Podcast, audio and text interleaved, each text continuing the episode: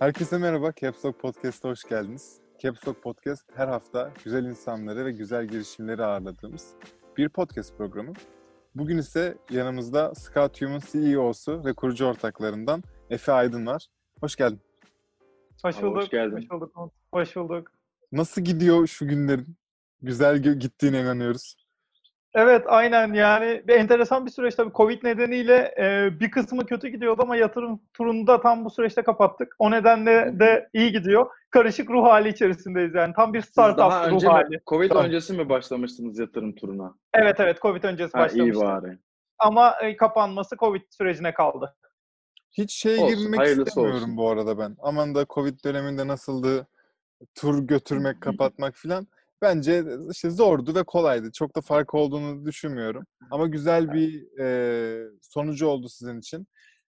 Bence Scoutium'un böyle ne yaptığını ufak bir anlat. Ben anlatmayı çok isterdim ama en iyi sen anlatabilirsin. Çünkü e, unik bir şey. Yani Scoutium dediğimiz model dünyada sadece ilk siz yapıyorsunuz. Bu modeli siz çıkarttınız. Dolayısıyla en iyi siz anlatırsınız diye size atıyorum topu. Aynen, aynen. Ee, aslında Scatium dijital bir futbol gözlemciliği platformu. Temelde futbolcuları, futbol severleri ve kulüpleri bir araya getiriyor. Şu şekilde işliyor sistem. Öncelikle futbol severler uygulamayı indiriyorlar Scatium uygulamasını. Ücretsiz bir şekilde üye oluyorlar. Ve sonrasında e, sistem içerisindeki belli yönergeleri takip ederek iki şeye evriliyorlar aslında. Ya video uzmanı oluyorlar ya da scout oluyorlar sistemde. Video uzmanlarının yaptığı şey maçlara gitmek, mahallesinde, köyünde, telefonuyla 90 dakika maçı çekmek ve sisteme yüklemek. Ve ödeme almak video başına. Tabii ki kontrol ediyoruz. Bizim belirlediğimiz kriterlere uygunsa videolar ödeme alıyorlar. Scoutlar da scoutların e, hem seçim süreci hem de eğitim süreci oldukça meşakkatli ve uzun. E, bir futbol ekibimiz var içeride. E, başlarında da Şahin Ahmiyasın oldu. O da Kasımpaşa'nın eski yardımcı antrenörüydü. Yani önemli bir ekip var ve onları scoutları hem seçim hem de eğitim sürecinde bulunuyorlar. E, bu seçilmiş ve eğitilmiş scoutlarımız da bu 90 dakika videoları izliyor ve belirli formatlarda futbolcuların analiz. Aslında böylece ne oluyor? Biz dünyada hiçbir analizi, hiçbir videosu olmayan on binlerce, yüz binlerce futbolcunun 90 dakika videolarını ve analizlerini elde etmiş oluyoruz. Ve bunları da kulüplere, federasyonlara, menajerlere ya da futbolculara satıyoruz. Scoutium en temelde aslında böyle bir iş yapıyor. Abi o kadar iyi O kadar ki. temiz ki. Yani gerçekten Yükseldim yani. bu kadar demokratize etmek aynı anda. Bunun yanında bir de standartize etmek yani o kadar büyük bir iş yapıyorsunuz ki ellerinize kollarınıza sağlık bütün ekibin. Hakikaten Eyvallah, yani eyvallah. bunun operasyonunu Gerçekten öyle. dinleyince bel- belki anlamıyor olabilir. Biz de belki yeterince anlamıyoruz ama ortada aynı zamanda bir kültür yaratmak ve hiç olmayan bir şekilde yani scouting vardı her zaman ama çok daha başka şekilde ilerliyordu. Siz bunu e, başka bir şekilde yapmaya ve bu insanları bu pazara alıştırmaya çalışıyorsunuz. Çok zor bir şey ve başarıyorsunuz abi. Yani Eyvallah. elinize eyvallah. kolunuza sağlık. Bu hakikaten çok iyi bir şey. Şimdi bu Scoutium'a gelmeden bir seni ufak bir tanıyalım mı? Efe kimdir? Ne yapar? Ne yaptı da Tabii. Scoutium'a kadar geldi? Terletelim. Tabii abi. e, ya ben 29 yaşındayım. ODTÜ'den mezunum endüstri mühendisliğinden. E, mezun olduktan sonra önce bizim Bursa'da ufak bir aile firması vardı. Orada başladım çalışmaya. Böyle 2-2,5 yıl orada aileyle çalışmak falan da çok zordu. Zor ve mutsuz bir süreç yaşadım. E, üç kurucu ortağız. Yani üç kişi başladık. Şu anda altı ortağız ama. O üç ortak da Bursa'dan, liseden yakın arkadaşız. Hmm. Emre Ün var. O CTO'muz Boğaziçi Bilgisayar Mühendisliğinden mezun. Safa Yerliyurt var. Safa da Boğaziçi İşletmeden mezun. Liseden yakın arkadaşız. Ee, zaten Skytium sürecinde mutsuz olduğumuz bir süreçte başladı. İşte Emre'nin sağlık problemleri vardı. O yüzden Bursa'daydı. Okul dondurmuştu. Ben aile firmasında çalışıyordum. Safa da öyle. Bayağı mutsuz bir süreçti. İlk orada çıktı. Sonrasında Skytium fikri çıkınca da Bursa'dan İstanbul'a taşındık. Ve İstanbul'da işte İTÜ Çekirdek'te başladık çalışmaya. Sonrasında gelişe gelişe işte toplam 3 milyon dolar yatırım aldık. Ala ala ekibi de genişlete genişlete bugüne kadar geldi aslında. Kaç kişi şu an ekip? Şu anda 25 kişi toplam ekibimiz. E, ağırlıkla hangi birimden e, insan var? Ee, genelde yazılım ekibimiz var. Ee, yani yarı yarıya diyebiliriz. Operasyon ekibi var. Bütün scoutların eğitiminden ve oradaki operasyondan sorumlu. İşte marketing ekibi futbolculara, video uzmanlarına, scoutlara ulaşmaktan sorumlu. Satış ekibimiz de kulüplere gidip satış yapıyor aslında. Kalan teknoloji ekibimizde hem mobil hem de web geliştirme yapıyoruz. Kulüp tarafı web first gidiyor. Ee, e, futbolcu ve scout tarafı da mobile first gidiyor. Aslında biraz işin zorluğu da o. Tek ürün gibi görünüyor ama tek ürün değil aslında. Scouting içerisinde 3 tane farklı ürün var. Nedir onlar? Ya bir futbolculara kullandığı, futbolculara satış yaptığımız ürün var. Hı hı. Ee, bir kulüplerin kullandığı ürün var. Kulüplerin işte bütün o futbolcu filtrelemelerini yaptığı, görevler açtığı ürün. Bir de video uzmanlarımızın ve scoutların hem videoları girdi hem analizleri yaptığı ürün var. Hepsi Scoutum çatısı altında ama Ama arkada yazılımda aslında üç farklı ürün var. Hedef Var. kitle dolayısıyla ayrılıyor ürünler. Aynen, aynen Peki öyle. sen futbola ilgili miydin abi? Nereden çıktı bu Kanka bayağı ilgiliydim aslında. Yani işte Ankara'da okudum dediğim gibi ama e, Fenerbahçe taraftarıyım. İstanbul'da kombinem vardı hazırlıkta. Her iki haftada bir gelip maça gidiyordum. Yani o kadar aslında hani futbol tutkum. Zaten üniversitede futbol menajer oynayarak geçti çoğu. O yüzden aslında tutkumuz olan bir şey yapıyoruz yani. Hani konunun futbol olması da Sizin için hemen çok daha farklı bir keyiftir o zaman. Tabii tabii kesinlikle ya. Yani belki de bizi en çok birbirimize bağlayan şey o tutku oluyor. ne güzel. Ya şimdi ben takımı duyunca e, bir tanesi Boğaziçi işletme, bir tanesi Boğaziçi bilgisayar mühendisliği miydi? Şimdi yanlış hatırlamayayım. Aynen aynen. E, Doğru. bir tane de ODTÜ endüstri mühendisliği var. E, tamam Aynen yani ekip baya baya taş bir ekip.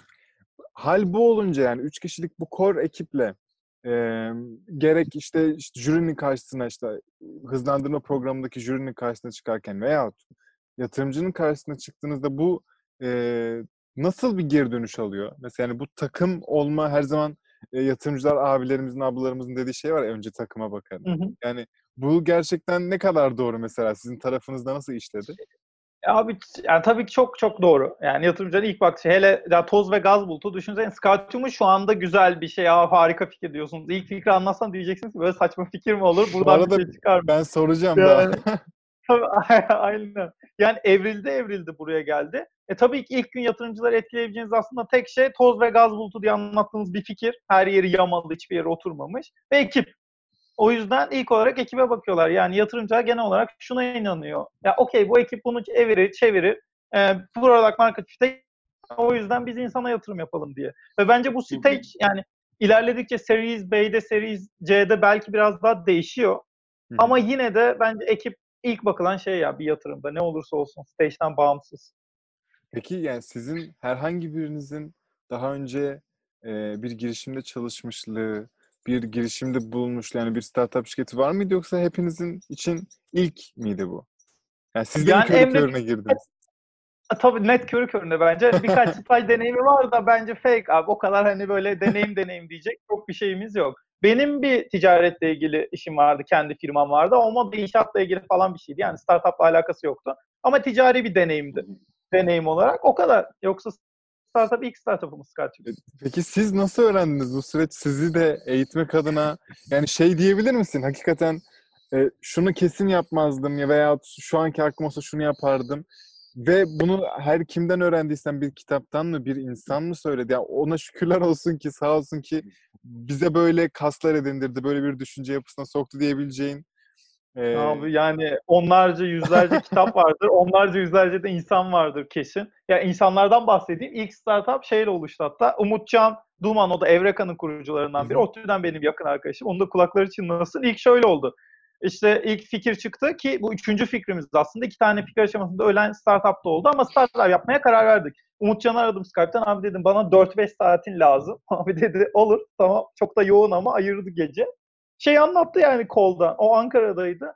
Abi startup ne? Nasıl başlayacağız? Yatırım ne? Değerleme ne? İlk her şeyi ondan dinledim. İlk fikir edindik. Sonra bütün stage'lerde şeyi iyi yaptık. İlk yaptığımız dediğimiz bir şey.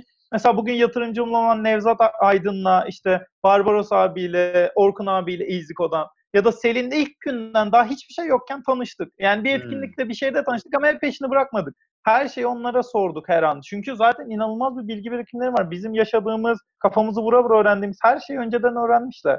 O çok büyük avantaj sağladı bize. Her stage'de onların o mentorluğundan yararlandık. Şu anda ekip içerisinde de bir mentorluk sistemi var. Ekipteki her kademenin kendi mentorları var. İki tane, üç tane. Endeavor'da üyesiyiz aynı zamanda. Oradan da besliyoruz sürekli.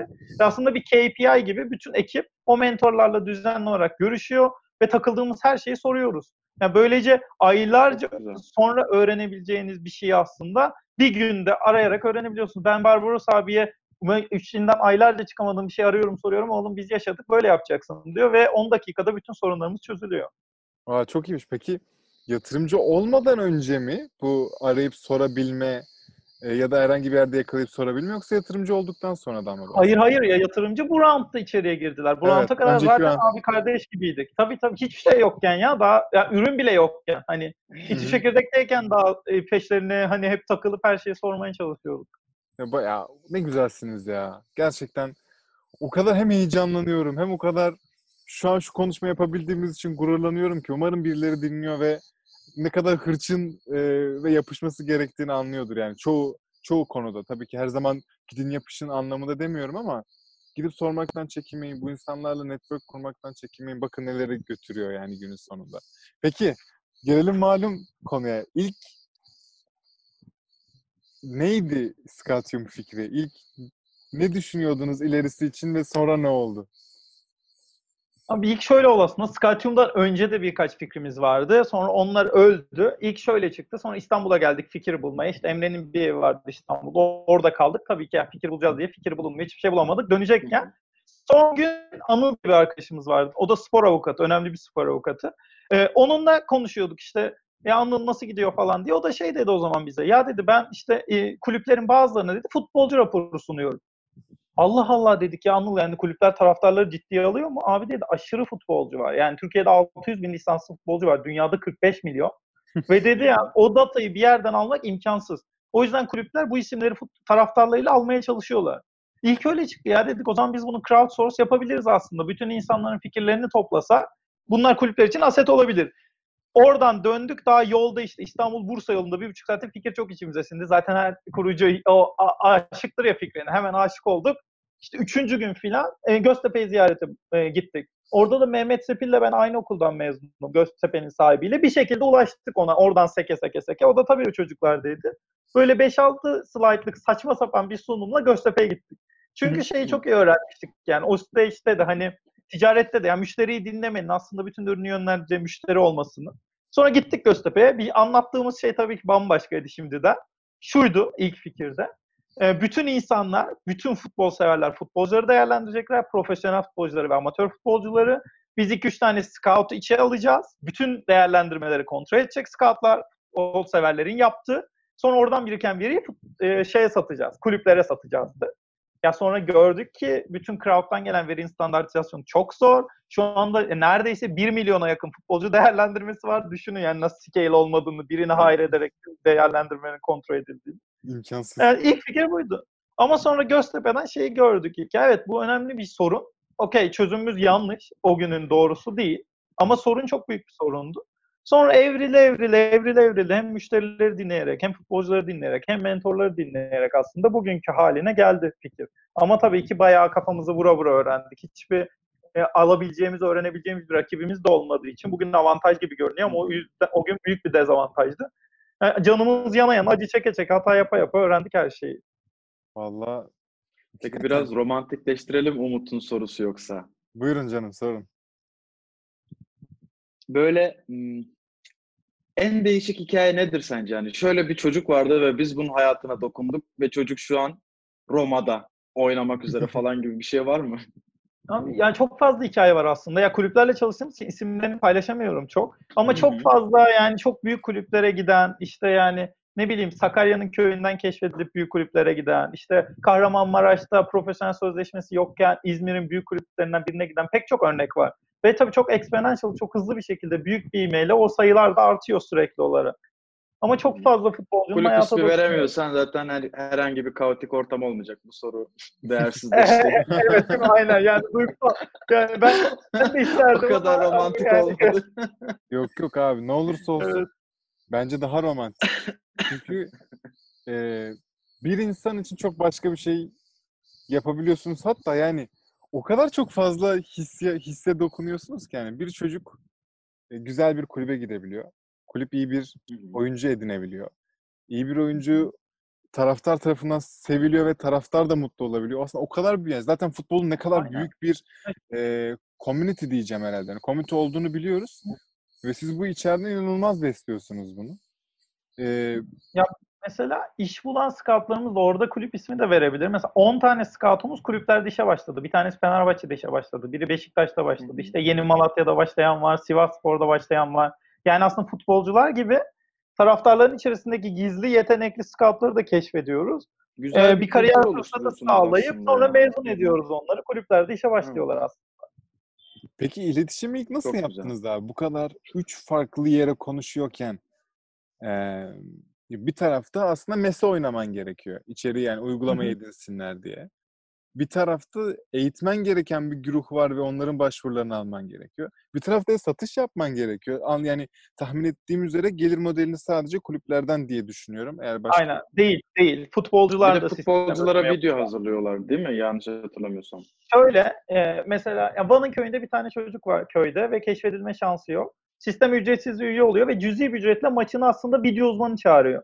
Gidip biz Hmm, çocuğun 90 hmm. dakika videosunu çekiyoruz, analizini yapıyoruz ve sisteme yüklüyoruz. Böylece Van'ın hı. köyündeki çocuk sistemi kullanan bütün kulüpler için görünür oluyor. Hakikaten Anladım. yetenekliyse de kulüpler tarafından keşfediliyor. anladım. Şansını yüzden- satın alıyor bir bakıma Tabii, küçük bir tabii. meblağıyla. Evet evet demokratize ediyoruz aslında. Yani aradaki bütün aracıları kaldırıp bütün futbolculara, bütün kulüpler tarafından keşfedilme şansı sağlıyoruz. Doğru. Objektif. Harika. Peki şimdi şu ana kadar 3 milyon dolar aldınız. Son tur 2 Hı hı. milyondu. Bundan önceki Aynen. e, 1 milyonu tek roundda mı aldınız yoksa tohum ve Ee, bir e, 100 bin doları önce aldık sonra 900 bin dolar aldık sonra da 2 milyon dolar aldık. Peki bu şey tarafları sanırım sizin gibi bir girişim için çok önemli. Ee, sizin gibi bir girişim dememin tek sebebi yeni bir model başlatıyorsunuz dünyada.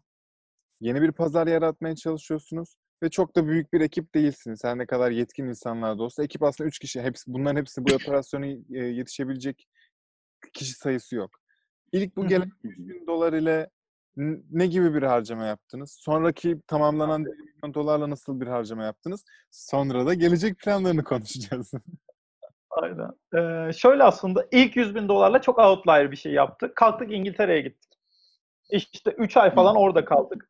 Ee, orada 50 tane kulüple görüştük. İçerisinde işte Queen's Park Rangers, işte Sheffield United gibi kulüpler de var. İki şey Hı hı. sorduk aslında. Bütün amacımız şuydu. Böyle bir sistem var mı?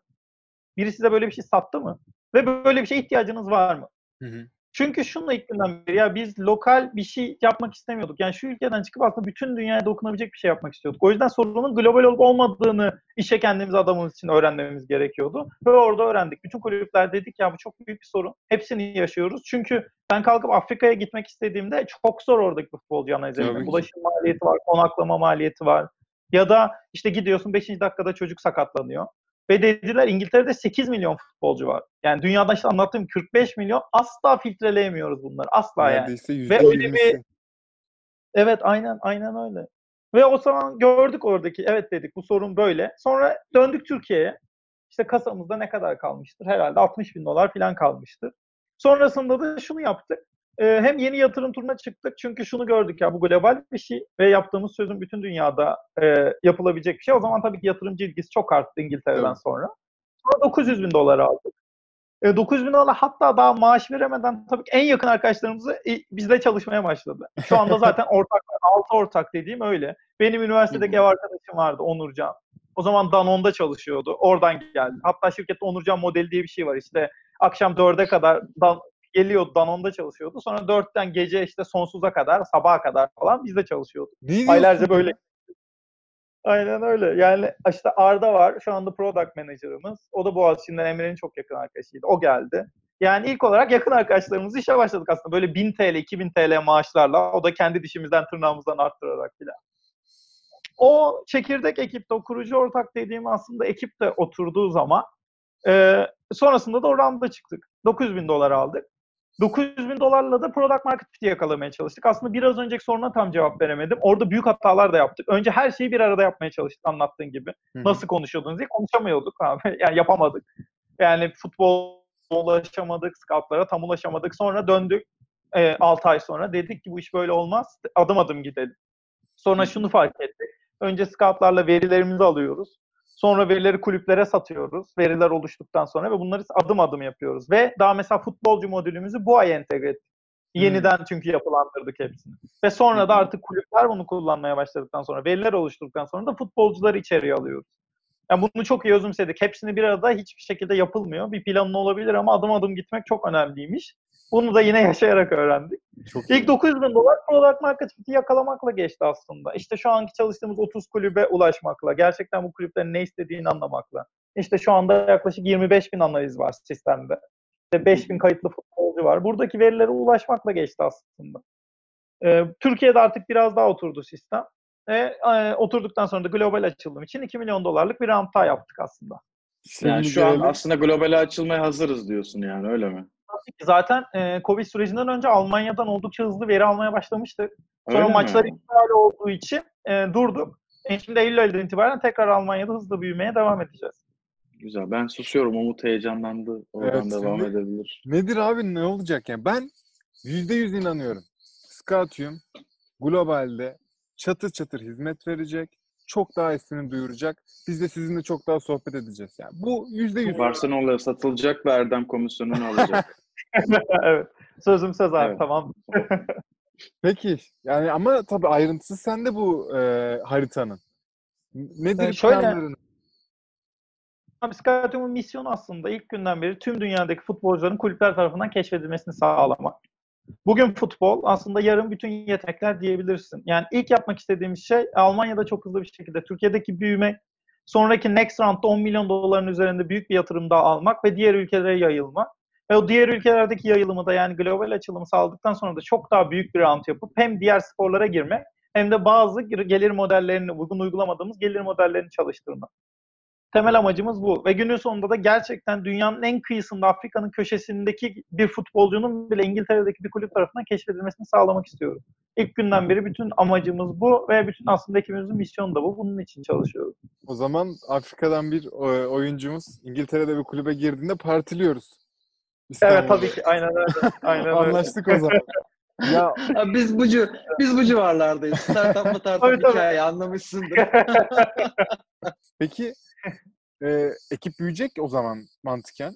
Tabii ki. Evet. Şu anda da yani büyük bir iş aldım. Zaten pek çok açık pozisyonumuz var. İşte iOS developer arıyoruz, frontend developer arıyoruz. Hani hem yazılım ekibimizi hem de iş ekibimizi, business ekibini genişletiyoruz şu anda.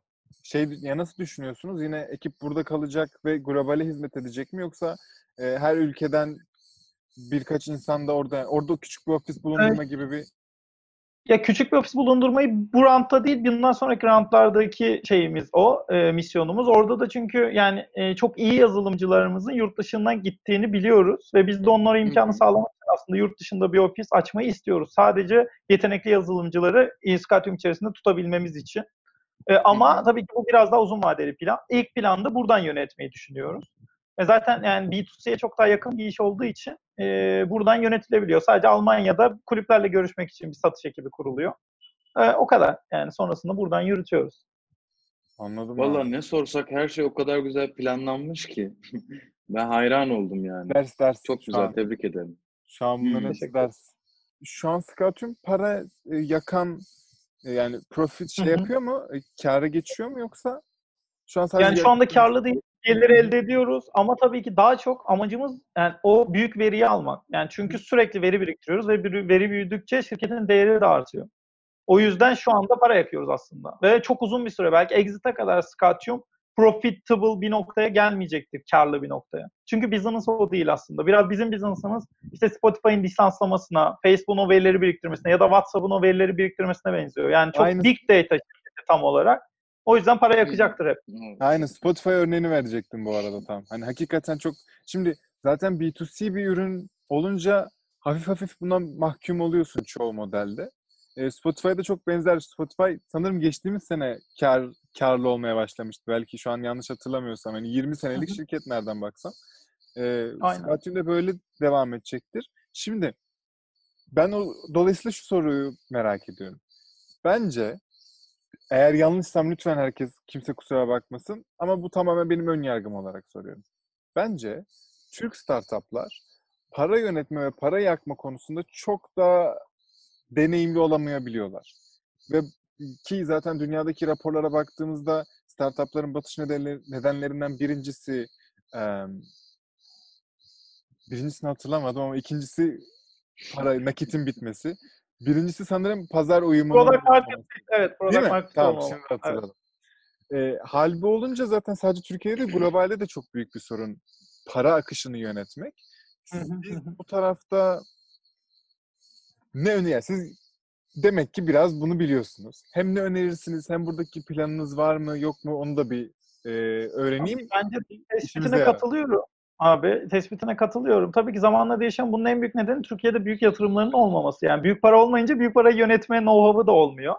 Yani bizim ilk yaptığımız şey daha önce yönetmiş kişilere zaten büyük yatırım almış kişilere sormak. Ne bileyim işte Insider'dan Hande mentorlarımızdan biri ona sormak ya da Barbaros abiye sormak ya da Nevzat abiye sormak. Yani gidip abi nasıl yöneteceğiz demek en temel aslında. Yani onların yönlendirmesiyle sonra sizin know-how'ınız da gelişiyor. Tabii ki mentorlarla, kitaplarla bunu besliyorsunuz. Ama en kolayı bunu yapmış birine sormak aslında. Biz o yüzden o yöntemi hep uyguladık. Yani zaten milyon dolarlar yönetmiş kişiler var. E nasıl yönetileceğini söylediler bize. Kesinlikle. 3-4 tane milyon milyon dolar yöneten kişiyi 3-4 farklı kişiyi dinleyince onları kendi süzgecinizden geçirip hibritleyip aslında en uygun modeli geliştirebiliyorsunuz. Kesinlikle çok doğru. Ee, bu hem büyük bir şans hem de sizin kendinize getirdiğiniz bir şans. Dolayısıyla e, gayet iyi bir model bakınca. İti çekirdek girişimi olduğunuzu biliyorum. Oradan destek aldınız. Başka var mı herhangi bir program? Ee, yok açıkçası. Peki çekirde yani bir Türk girişiminin İti çekirdek veya herhangi başka bir hızlandırma programında yer almasındaki e, faydalar nedir? Sizin için ne kadar fayda oldu? Bence çok önemli. Öyle mi? yani bir kere yani İTÜ Çekirdeğin bizim kalbimizdeki yeri de ayrı çünkü hikaye şu. İlk bir yarışmaya katıldık. İlk Founder'ın bir yarışmasıydı. Orada da birinci olamadık. ikinci olduk. Nike gibi sanıyorum biz birinci olamıyoruz. yani ikinci olduk ve Deniz Hoca özel kişisel olarak aslında ikinciye İTÜ Çekirdek ödülü yoktu. Birinciye vardı. Deniz Hoca o zaman e, Teknokent'in CEO'suydu. Kendisi söyledi. Ya çocuklar işte sizi çok sevdim. Gelin siz de İTÜ Çekirdeğe diye. Öyle girdik. Ve o davet etmeseydi biz İstanbul'a taşınma kararını alamazdık. Yani çünkü Bursa'da işlerimiz de vardı. Bütün konfor alanımıza bir günde bütün evimi topladım. Bütün hisselerimi devrettim ve bir günde İstanbul'a taşındım. Yani biz o konfor alanından iç çekirdeğin güvencesi olmasa çıkamazdık. Ya oradaki karar da şöyle gelişti. Yani dedik ya işte ne aylık kazanalım 10 bin lira o gün. Yani bir yıl sonra hiçbir şey olmazsa Skytium'dan 120 bin lira kaybedeceğiz. Biz 120 bin lira verip buradaki mutluluğu, buradaki tecrübeyi satın alabilir miyiz bir senede? Dedik ki alamayız. Tamam ondan sonra okey dedik. Hemen pılımızı fırtımızı topladık. Döndük. Ve bence çok önemli yani. Hem mentor anlamında hem ne oluyor ne bitiyor, startup ne, işte o network'i açıyor İTÜ Çekirdek size ya da bir kuluçka merkezi. O yüzden bence özellikle ilk startup olanlar için, bizim gibi yani daha yaşı genç, mesleki tecrübesi az olanlar için bence kuluçka merkezleri çok önemli. Biz çok faydasını gördük açıkçası. Her açıdan bir e, startup, gerçek bir startup dinliyoruz şu an. Değil mi? E, bu Covid muhabbetinde bilmiyorum buraya girmek ister misin ama sizin tahmin ediyorum ki işleriniz bıçak gibi durdu. Bu süreci nasıl daha değerli geçirebildiniz? Öyle. Mesela size çalışan scoutlar var. Onları hani Hı hı. nasıl elinizde tutabildiniz? Abi şöyle aslında bize bir yerde kötü, bir yerde avantaj, bir yerde dezavantaj oldu. Dezavantaj olduğu yer e, veri alımımız tamamen durdu. Çünkü altyapılardaki bütün maçlar iptal oldu. Hı hı. Avantajı şu elimizdeki veri zaten çok değerli olan veri iyice değerlendi. Çünkü kulüplerin hiçbir verisi yok. Atıyorum futbolcu eskiden antrenmana çağırıyordu artık o da bitti. Yani tek bakabileceği yer stadyum oldu. O yüzden kulüplerin kullanımı da çok exponential bir şekilde arttı. Futbolcuların kullanımı da Doğru. aslında.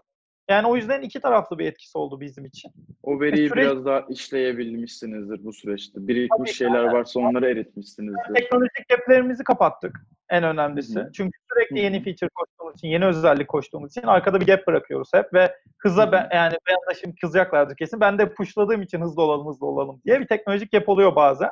O gap'i kapatmak için teknoloji ekibimizin eli güçlendi aslında bu süreçte. Buna ayırdık. İyi. Açık pozisyonlarımız vardı. Biraz da onları kapatmaya zaman ayırdık.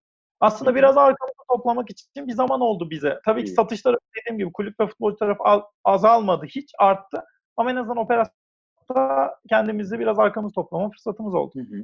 Güzel. Peki sizdeki scoutlar böyle full time bu bu odakta çalışan arkadaşlar mı yoksa Hayır, bu şöyle, onlar için Analiz yan gelir veya Ya genelde yan gelir ama yani gerçekten asgari ücretin bile üzerinde gelir elde edenler olduğu için böyle arada kalan case'ler de var. Ama genel olarak e, tek motivasyonda gelir olmadığı için gelir düzeyine bakarsak genelde üniversite öğrencilerinin geçimine yardımcı olduğu, e, biraz daha işte kendine destek olduğu bir gelir statüsü gibi değerlendirebiliriz.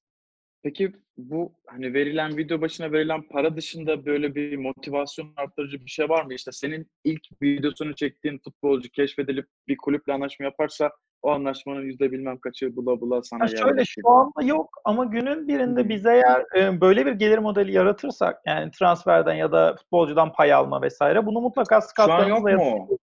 Şu anda yok ama gelecek Hmm. planlarımız arasında olan bir şey. Bence kesin olmalı yani. Bu çok mantıklı olurdu. Scout mu olacaksın? Ne Bir, bir... Hayır ya, olmayacağım. Scoutlar için değil ya.